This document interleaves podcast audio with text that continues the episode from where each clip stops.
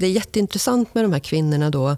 Den här hustru Karin till exempel då, som börjar som hushållerska men sen liksom eh, avancerar då till eh, det här borgerskapet som femöresborgare då.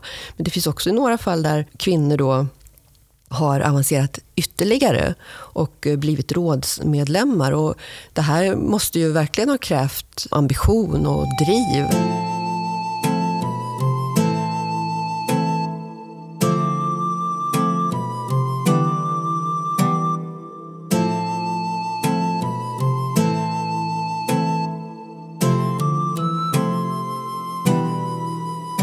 Välkommen till Arkivpodden.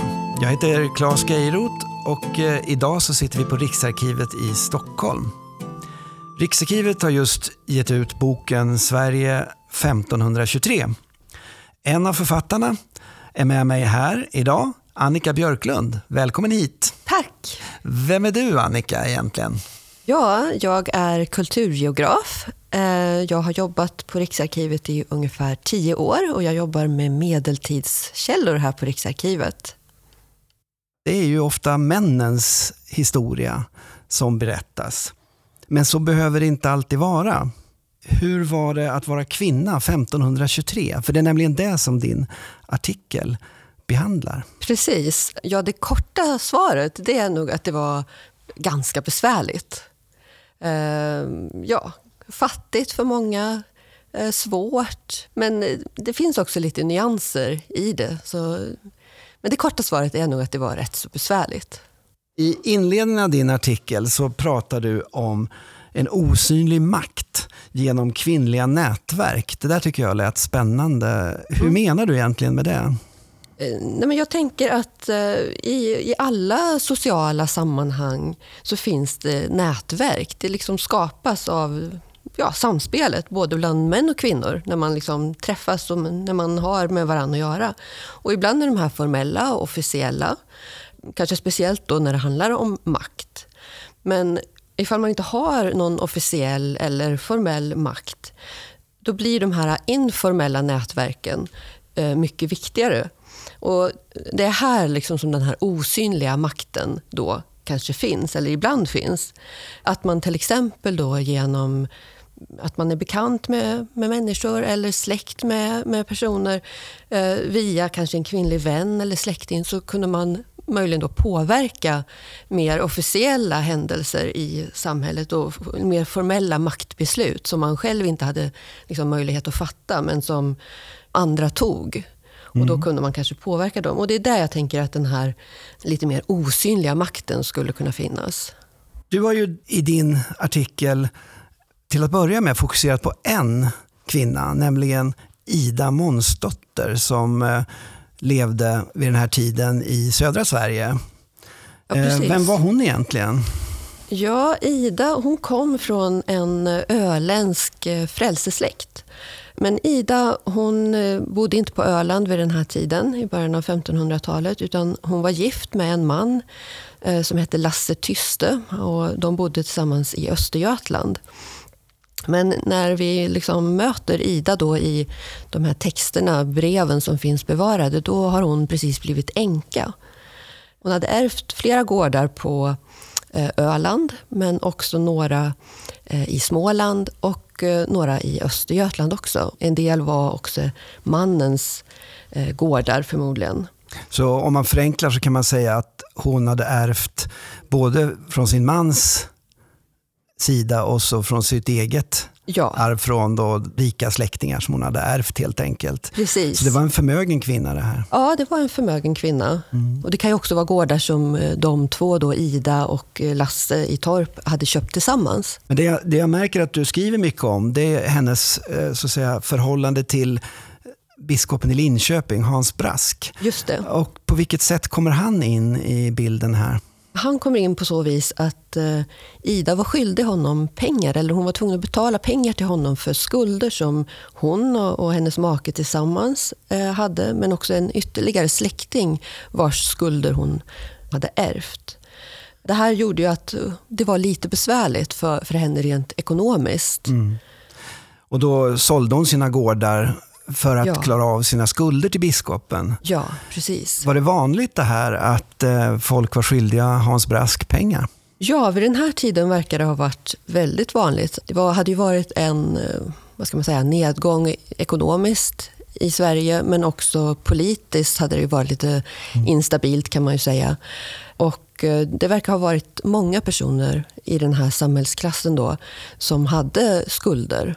Idag så, när vi tänker på biskopar så kanske man blir förvånade när man förstår att biskoparna vid den här tiden kunde ägna sig åt att låna ut pengar. Ja. Men det var inte ovanligt alltså. Nej, uppenbarligen så var det inte Nej. det.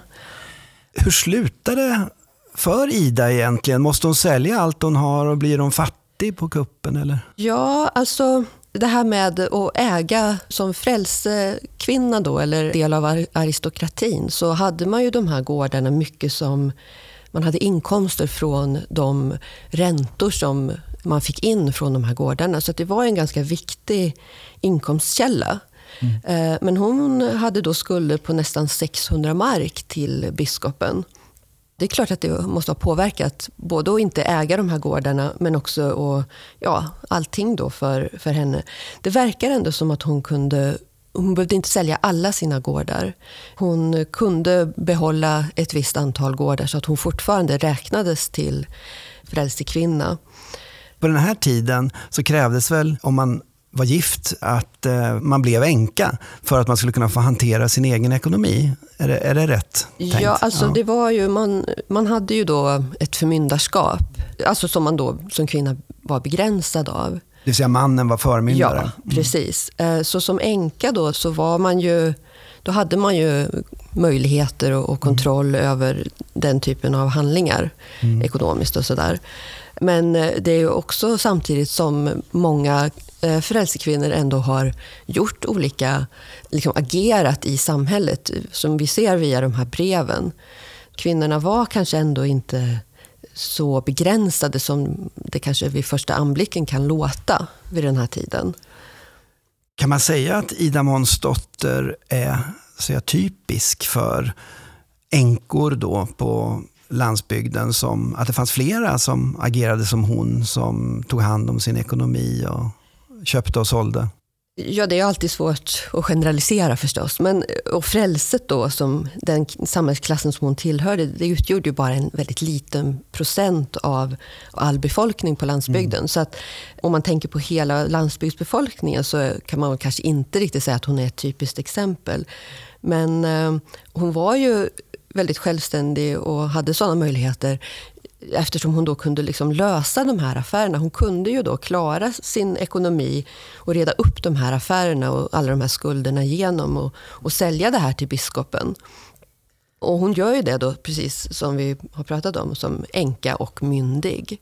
Då är det en intressant fråga som jag tycker man måste ställa här. Kan du berätta lite mer hur du har gått tillväga? Vilka källor du har hittat och du, hur du har använt dem? Min utgångspunkt eh, tror jag det var nog medeltidsbreven. Man kan ju söka fram då vilka brev finns utfärdade 1523 och vilka av de här breven är utfärdade av kvinnor. Eh, och det var så jag hittade Ida Månsdotter. Jag tror att det är nio eller tio brev just 1523 som, som hon skriver om de här skulderna. Då. Tror du att hon skriver dem själv? Hon, kanske, hon utfärdar dem. Hon, Hon har nog en, en skrivare som hjälper henne. Det har hon och eh, de är också bevarade i avskrifter.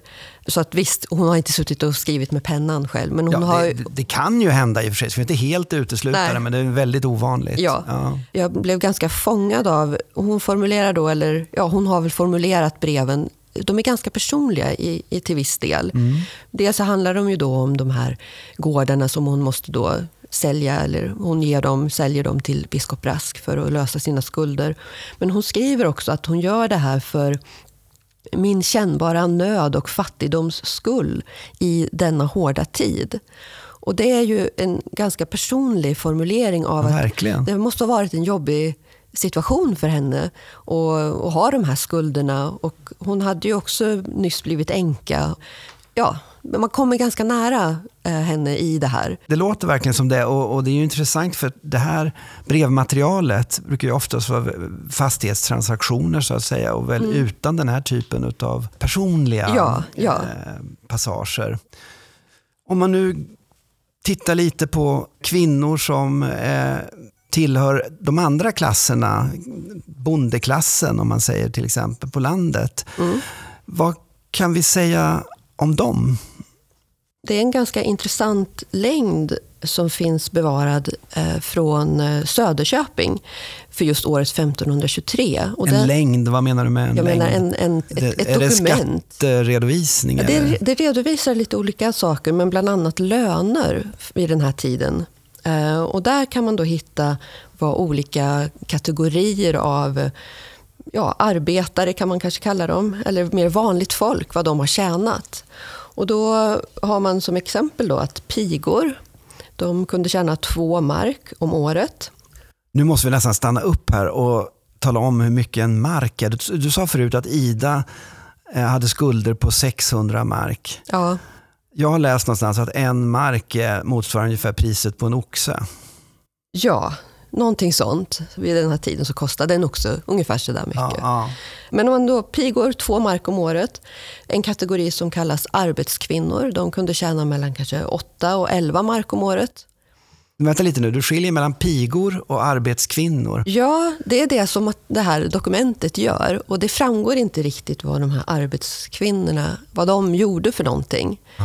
Men det finns då i ja, andra typer av dokument så kan man hitta då, förmodligen så var de här som kallas för arbetskvinnor, de hade väl mer ansvar. Är detta i städerna eller på landsbygden? Ja, det framgår ju inte riktigt, men längden handlar ju, den är skriven i Söderköping, så att det verkar som att det är i stan. Men det kan ju också vara att bara längden är tillkommen eh, i något sammanhang som vi inte riktigt vet. Du pratar i din artikel, eller skriver i din artikel skulle jag kunna säga, eh, om en hustru Karin. Hustru innebär att hon är gift. Ja, just det. Men hon arbetar som hushållerska hos en präst i Arboga. Mm. Hur kan det här komma sig? hon kan alltså ha det här arbetet medan hon är gift. Så där är inte mannen förmyndare alltså, eller? Det är väldigt svårt att, svara riktigt på det. Eh, hon, hon skrivs ju som, precis som du säger, hustru. Och mm. Det brukar betyda att man är gift. Så det vet, man vet inte riktigt. Men eh, det finns flera andra kvinnor också som jobbar som såna här hushållerskor i städerna, till exempel då i Arboga. Och eh, man vet ju väldigt lite i allmänhet om de här personerna. Ja, du skriver också om att kvinnor kunde erhålla borgerskap, alltså bli borgare. Mm. Vad innebar det? Det man brukar prata om när man pratar om borgerskap, alltså grunden för det, det var ju att man ägde fastigheter i staden, eller i alla fall en fastighet. Och eh, att man då hade en rättighet att bedriva handel. Men det fanns också någonting som kallas för femöresborgare. Jaha, femöresborgare? Okay. Ja, ja, och eh, det här står omskrivet redan i eh, Magnus Erikssons landslag, att man kunde få bli sån här femöresborgare. Magnus Erikssons landslag är alltså från 1350 ungefär? Ja, mm. precis. Mm. Och här så skriver man då att även om man inte ägde en fastighet i staden så kunde man få betala en avgift, alltså då fem öre, för att under en eh, Eh, tidsbegränsad period, eh, det brukade vara tror jag sex år, så fick man liksom bedriva handel eh, under förutsättning också att man betalade de andra avgifter som var liksom kopplade till det här borgerskapet. Det låter ändå som lite kontroversiellt det här. Mot betalning så släpper man in en ny kategori som får bedriva handel och köpenskap och sådär i stan. Ja, precis. Var det reaktioner tror du mot, mot detta? Alltså, det verkar som att över tid så har det här kanske missbrukats kan man säga. Att eh, folk betalade de här fem örena men sen så betalade man inga andra avgifter utan det finns um, dokument som, där man beskriver det här som ett stort problem och bland annat Gustav Vasa skriver om det här. Och han tycker att uh, de här femöresborgarna de förstör handeln i, i städerna. Så han vill ha bort dem. Men han lyckas inte? Ja, delvis lyckas han. Det finns en eh, förordning, eller vad man ska kalla det för, från jag tror det är 1531, där han då ja, säger att de här ska inte få vara i städerna längre. Men samtidigt så verkar det som att det fortsätter. Man ser i Arbogas tänkebok, då, i det materialet, att man fortsätter att betala pengar då på det här viset för att, bli den här typen av borgare. Och i Arboga så finns det ingenting i materialet som säger att eh, det har varit ett problem i just den staden. Men däremot i Stockholm till exempel så har man haft stora problem med det här. Det känns ju som att Arboga är lite mer modernt än Stockholm i att kvinnor får större möjligheter där. Ja. När jag läste vad du skriver om de här kvinnorna i Arboga så får jag nästan lust att kalla dem för entreprenörer. Ja. Jag vet inte, vad tycker du? Jo, men det skulle man ju absolut kunna säga. Ja, men dels att kvinnor har försörjt sig då som mm. borgare. Men det är jätteintressant med de här kvinnorna. Då, den här hustru Karin till exempel, då, som börjar som hushållerska hos någon person. Men sen liksom eh, avancerar då till eh, det här borgerskapet som femöresborgare. Då. Men det finns också några fall där kvinnor då har avancerat ytterligare och blivit rådsmedlemmar. Och det här måste ju verkligen ha krävt liksom ambition och driv. Eller, det är inte bara någonting som händer kanske automatiskt utan man, man förstår att de här kvinnorna de ville någonting. Så vad du hittar här nu det är en karriärväg kan man ja, säga kanske. för kvinnorna. ja. Att man kan sluta som rådman eller ska säga rådkvinna i en stad vid 1500-talets början. Vi pratar om 1520-talet. Mm. De deltar i stadens beslut då? Ja, de måste ju ha gjort det. Och det känns ja. som att eh, det här är nog inte riktigt uppmärksammat tidigare. De här kvinnorna då som är borgare, ofta så... Eh, alltså man har ju uppmärksammat dem att de det står att det är kvinnor som är borgare, men man har på något vis ofta då antagit att det är kvinnor som liksom har övertagit sin mans verksamhet på något sätt. Att det är därför de kallas borgare. Men det här verkar inte vara riktigt så. Men jag missförstår inte det hela nu, utan vi pratar ju hela tiden om städerna. Ja. Eller hur? Ja. Och då måste man ju komma ihåg att det är en liten del av alla kvinnor i oh ja. Sverige vid den här tiden som bor i städerna. Men det är ändå, tycker jag, värt att lyfta det här, att där finns det en möjlighet. Kan man dra den slutsatsen att man levde ett bättre liv som kvinna i en stad än på landet? Ja, det kanske faktiskt var så. Mm. Att uh, man hade fler möjligheter. Det är, det är i alla fall det vi ser i materialet. Mm. Nu är det väldigt svårt, det är väldigt, väldigt begränsat med materialet för landsbygden. Men i städerna så ser man ju faktiskt att ja, man hade möjligheter som vissa personer, då, vissa kvinnor, faktiskt tog och, och, och använde sig av för att få, mm. få det bättre, vad det verkar. Sen så får man också komma ihåg att eh, arvsmässigt så skilde sig ju städerna och landsbygden åt just för kvinnor. I städerna redan under medeltiden så ärvde ju kvinnor lika som männen. Eh, både systrar och bröder ärvde 50 eh, procent. Och så var det ju inte på landsbygden. Landslagen säger ju att kvinnorna ärver en tredjedel. Så det var också en skillnad som faktiskt fanns och som mm. fanns innan 1523 också. Mm. Du, om vi lämnar Arboga för ett ögonblick och tittar lite på Stockholm, mm. som ju var huvudstad redan vid den här tiden. Mm. Där har du eh, hittat en intressant källa som berättar om Helga Lekamens gille. Mm. Kanske först fråga dig bara, vad var detta för någonting, Helga Lekamens gille? Ja, det fanns ju då ett antal i Stockholm så tror jag det fanns 21 kända gillen och det här var ju liksom en... Ehm, ja, man kunde vara medlem i de här gillena. Ehm, och, en sorts klubb? Eller? Ja, kanske man kan kalla det som någon sorts klubb. När man blev medlem, och särskilt då i det här Helga Lekamens gille, så fick man också del i deras ehm, Ja, dels anordnades det olika festligheter vid eh, helgondagar och sånt där.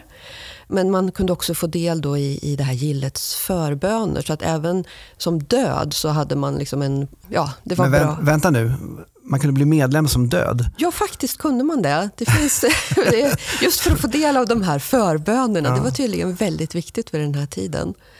Ja, och jag förstår. Alltså mm. att för att man ska hamna i himlen till slut. Ja, så, ja, så att det skulle det bli viktigt. en kortare tid eller kanske ingen Så det här var ett, Helga Lekamens gille var liksom en religiös organisation då? Ja, det var det. Det var mm. en religiös organisation. Men det här materialet då, det är ju framförallt räkenskaper som är bevarade och medlemslistor. Men man, de skriver också om att eh, det anordnades festligheter vid olika tillfällen och, man bar runt eh, eh, olika kors eller ljus och sådär runt Processioner staden. helt ja. Ja. Du, eh, en intressant sak med, med eh, Helga Lekamens gille, i alla fall som du skriver om här, det är ju att både adelns kvinnor, alltså aristokratins kvinnor, kunde vara medlemmar och enkla pigor kunde vara medlemmar. Så är det alltså? Ja, uppenbarligen så var det så. Och det känns ju väldigt eh, kanske oväntat, eller man blir lite förvånad känns det som. Men eh, vem som helst verkar kunnat vara medlem i eh, det här gillet. Och eh, Många av de här medlemmarna i Helga Lekamens gille, men också i andra gillen, var kvinnor dessutom. Men vi ser då i de här medlemslistorna vilka avgifter som har betalats in. Men så finns det pigor som också är medlemmar, men de har inte betalat någon avgift. Då står det liksom... Alltså där är en viss skillnad? Alltså. Ja, mm. så att även om man då inte hade ekonomiska möjligheter att, att liksom erlägga någon avgift till det här så, så kunde man få vara med ändå de här gillena tror jag var, var väldigt viktiga rent för gemenskapen i, ja, i samhället kanske. Det finns eh, ungefär 180 gillen i hela Sverige. Och Alltså, många var i städerna, men även på landsbygden så har det funnits. Och en del var ju då mer slutna gillen som var till bara för präster kanske, eller bara för köpmän. Eh, men många då, som det här Helga Lekamens gille, det var ett allmänt gille. Där personer från olika delar, både män och kvinnor, eh, var medlemmar. Och kanske var det så att de här gillena i städerna eh, var viktigare rent socialt än de på landsbygden. För att om man tänker då att i städerna så har man kanske flyttat, man har kanske tappat en del av sin tidigare gemenskap eller sociala sammanhang. Och då hade man kanske större behov av att kunna vara medlem eller ha del i mm. en sån här eh, sammanslutning då för att få ja, kanske hjälp i olika sammanhang. Den typen av hjälp då som man kunde få automatiskt på landsbygden från sina släktingar. Du har ju nu räknat upp olika exempel. Ja, I din artikel räknade du upp eh, att kvinnor kunde då arbeta som hushållerskor och de kunde vara bagare till exempel har du pratat om. Mm. Vilka andra sätt fanns det, vilka andra yrken fanns det som var öppna för kvinnor då i städerna? Ja, I källmaterialet då så framkommer det ju att eh, det fanns till exempel väverskor. Och eh, bland annat då i det här Helga Lekamens gille så fanns det ett antal väverskor. Eh, man verkar också ha kunnat jobba eh, inom sjukvård på kanske Hedgans hus och, i sådana sammanhang. I Arboga så finns det exempel på att kvinnor har jobbat som köttmånglare, alltså någon typ av slaktare? Slaktare ungefär, ja. Mm. Många kvinnor jobbade också med att sälja saker, olika saker förmodligen i bodar, liksom på torget och, och, så. Kanske grönsaker men säkert mycket annat också. Men, men det var bara en sak som jag tänkte på det här med hur man kunde försörja sig. Ja. Eh, och Det är nämligen en kvinna i Arboga under 1460-talet. Då är det en kvinna där eh, som verkar ha hållit på med bankverksamhet i någon form. Oj. Hon heter hustru Margit och hon bor vid bron i Arboga. Mm. Och 1467 då framgår det att hon förvarar pengar i penningpåsar i ett skåp i sin gård i, inne i stan. En sparbank kanske? Ja, och, och, folk som då säljer och köper varor de förvarar pengar och ibland verkar det som också varor hos henne. Jag hoppas att hon hade bra säkerhetsarrangemang. Ja, men precis. Man hoppas det. Men det, är en, det är en sån här ganska... Ja, jag blev lite ja. förvånad. Jag funderar på om vi skulle prata lite om den tredje delen av din artikel. Högfrälset, alltså de riktigt fina damerna, pratar du om mot slutet. Ja, eh, det här är då ett antal kvinnor som har väldigt nära kopplingar då, släktband och sånt eh, till många av de här personerna som blir avrättade vid Stockholms blodbad. Och de här kvinnorna då, flera av dem blir tillfångatagna 1520 eh, då. Flera sitter fortfarande i fångenskap 1523. Och hela det året så är de eh, i Danmark och sitter där fängslade då. Vi kan ju skjuta in där att som jag förstår det så var det ett 80-tal personer som avrättades i, i, i, Stockholm i Stockholms blodbad i november 1520. Mm. Men alla var män. Ja, vad vi vet så fanns det ingen kvinna bland de här avrättade. Men deras familjer kunde då? Ja, deras äh, hustrur, deras mm. äh, systrar och även många barn var med i den här fångenskapen. Släpptes de ut då när Gustav Vasa kommit till makten? Kunde han förhandla? Ja, men det har verkar ha tagit väldigt lång tid och man kanske hade annat som kändes viktigare eh, vid den här tiden då för rent politiskt. De här kvinnorna var ju kanske inte då eh, högprioriterade. Vi vet ju inte heller riktigt under vilka förhållanden som de satt där i fångenskap i Danmark på olika håll. Men, men Gustav, kung Gustav, han skriver till eh, ja. sin danska kollega och eh, begär att kvinnorna ska skickas hem till Sverige. Precis, precis. men det är ändå ett, eh, ett väldigt utdraget förlopp kring det här. Då. Bland annat eh, Kristina Nilsdotter eh, Gyllenstierna sitter ju eh, fånge Alltså Sten Sture den yngres gemål. Ja, och även mm. hennes mamma då, Sigrid Eskilsdotter Baner sitter i Danmark, då, i Köpenhamn. Och Kristinas barn några av barnen i alla fall är med. Och eh, flera av, av de här kvinnorna dör ju i fångenskapen. Man tror mm. att, att det kanske är pesten. Och även flera barn dör. De sitter i Köpenhamn eller? Ja, det är lite oklart. De, Kalundborg sitter de i vid ett lite senare tillfälle. Men det här Blå torn pratas det om i vissa källor att de sitter först. Och kanske att den danska drottningen hade någonting med att göra. att de... Man vet inte vilka förhållanden som sagt som de satt i. Men det kan ju hända att eh, de behandlades väl men att eh, omständigheterna gjorde att de blev sjuka. Och, och så, så kan det ju mycket väl ja, ha varit. Det vet vi faktiskt inte. Nej. Eller så behandlades de inte väl. Det var ju liksom eh, en väldigt sårbar eh, situation som de här väldigt då högadliga personerna mm. befann sig i. Och där de, eftersom de då blev tillfångatagna så alltså man fråntog ju alla deras möjligheter att agera. Så på det sättet så blev ju de liksom nästan som brickor i, i något politiskt maktspel som de inte alls kunde styra över på egen hand. Då. Ja, men man kan ju tänka sig då att just fångenskapen i sig har jag funderat lite på, eh, oavsett då hur förhållandena var. Men de kanske ändå inte var som de här personerna var vana vid. Man hade inte de här ganska bra mat och, och liksom fina miljöer man, man befann sig i.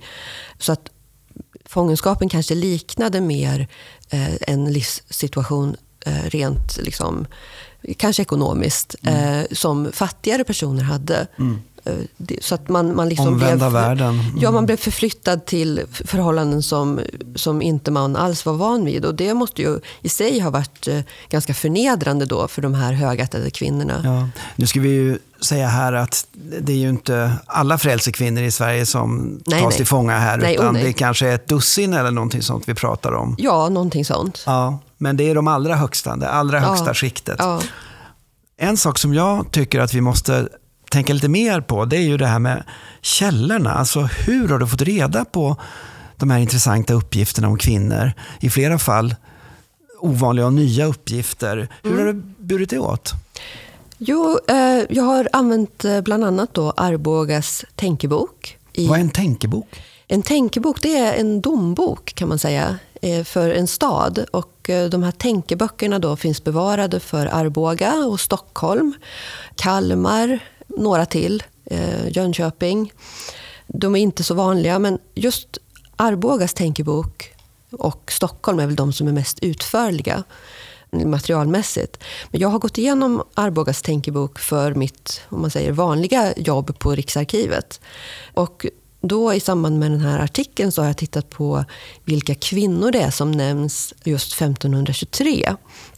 Och eh, det var ju då på det sättet jag hittade då den här hushållerskan bland annat, som eh, också sen blir borgare 1523, sån här femöresborgare. Och sen har jag då använt den här tänkeboken för att hitta, finns det fler personer som den här hushållerskan, fast kanske andra år, intilliggande eller tidigare eller senare. Och på så, så sätt liksom hittat fler personer, fler kvinnor som då är intressanta i det här sammanhanget. Och sen är det ju då eh, den här räkenskapen från Helga Lekamens Gille. Jag förstår ju då att du har gått igenom väldigt mycket källmaterial. Är allt det här materialet tryckt så man kan gå till ett bibliotek? Och... Nå, inte de här medeltidsbreven, de är inte tryckta. Men, eh, inte för de här åren i alla fall? Nej, inte för de här åren, precis. Men eh, Arbogas tänkebok är tryckt eh, och även Helga Lekamens Gilles räkenskaper. Så, så de är tillgängliga i tryckt bokform. Tror du att de här källorna har mer att ge för ja. de som är intresserade av att ge sig i kast med något liknande? Det kan de nog ha. Ja, det, ja. Absolut, det, det, tror jag. Det är väldigt spännande att det finns ändå det här bevarat. Va? Ja. Om du som har skrivit den här artikeln och kommit nära de här olika kvinnorna, här, om du får välja Mm. En av de kvinnor du har läst om. Ja. Vilken skulle du välja att eh, vara? Ja, jag vet inte om jag skulle vilja välja någon. Ehm, Kanske inte den som sitter i, i tornet i, nej, i Köpenhamn? Nej. Alltså, det är ju då, precis som vi har pratat om, utifrån materialet så verkar det ju som att i Arboga hade, man, hade många det ganska liksom bra. Man kunde göra saker för, för sin försörjning. Och man hade någon form av makt i det här samhället, mm. eller över sitt eget liv. Verkar det som. Mm. Men man får ju också komma ihåg att tiden i sig var ju, det var ju väldigt eh, mycket som var väldigt dåligt. Jag menar, man, många kvinnor dog i barnsäng. Det gick ja. pestepidemier Ja, kom. det var väldigt mycket mm. sjukdomar mm. hela tiden. Fanns mm. ju väldigt lite medicinsk... Liksom, mm. Man hade ju inte den, alls den möjligheten. Så ja, det känns lite svårt att välja någon så. Men, men jag tycker det, det samtidigt är det ju väldigt intressant att tänka på de här personerna då som det ändå... Det är ju egentligen bara Ida Månsdotter som själv då har formulerat de dokument som finns kvar. Men i de andra källorna så nämns ju bara de här personerna vid namn. Namn och eh, vad de då har sysslat med. Men eh, det är intressant att tänka på att vissa saker måste ju ändå ha varit liksom gemensamt eller ungefär likadant som idag. Alltså saker också som vi ser som bra idag. Att man har varit glad ibland och skrattat förmodligen. Mm. Eh, och man har haft vänner och man har väl hoppats olika saker och en del kanske har funkat. Och, och, sådär. och så kanske man har mött likasinnade på ett gille. Precis, precis. Där man har kunnat suttit och, och, pratat och skvallrat och haft trevligt en kväll kanske. Ja, jo det verkar mm. så. så att, eh, det låter ju ganska lockande. De där sakerna känns eh, liksom trevliga som kontrast till mm. det som var då besvärligt och, och inte så kul kanske alla gånger. Ja, precis. Ja, men då tycker jag vi har gått igenom din artikel, eller pratat om den från många olika mm. synvinklar. Det var jättetrevligt att ja. sitta och prata, så tack så mycket. Ja, tack så mycket. Ja, men då kanske jag avslutningsvis skulle säga några ord bara om boken där din artikel Annika ingår. Och Det är alltså en bok som vi nu har publicerat på Riksarkivet och den heter Sverige 1523. Ett ganska lämpligt namn, för det behandlar Sverige från många olika sidor under detta år. Till att börja med så är det ju de politiska förvecklingarna. Det är kungavalet den 6 juni som står i centrum. Men sen är det olika viktiga personer som behandlas. Det är språken, det är religionen, vilken mat man åt, vilka sjukdomar man drabbades av. Det finns artiklar om samer, om finnarnas situation och det finns också artiklar som behandlar den konst som man såg i kyrkorna. Helt enkelt eh, ett väldigt brett spektrum av ämnen. Ja, tack för att ni lyssnade. Den här podden är gjord av Riksarkivet.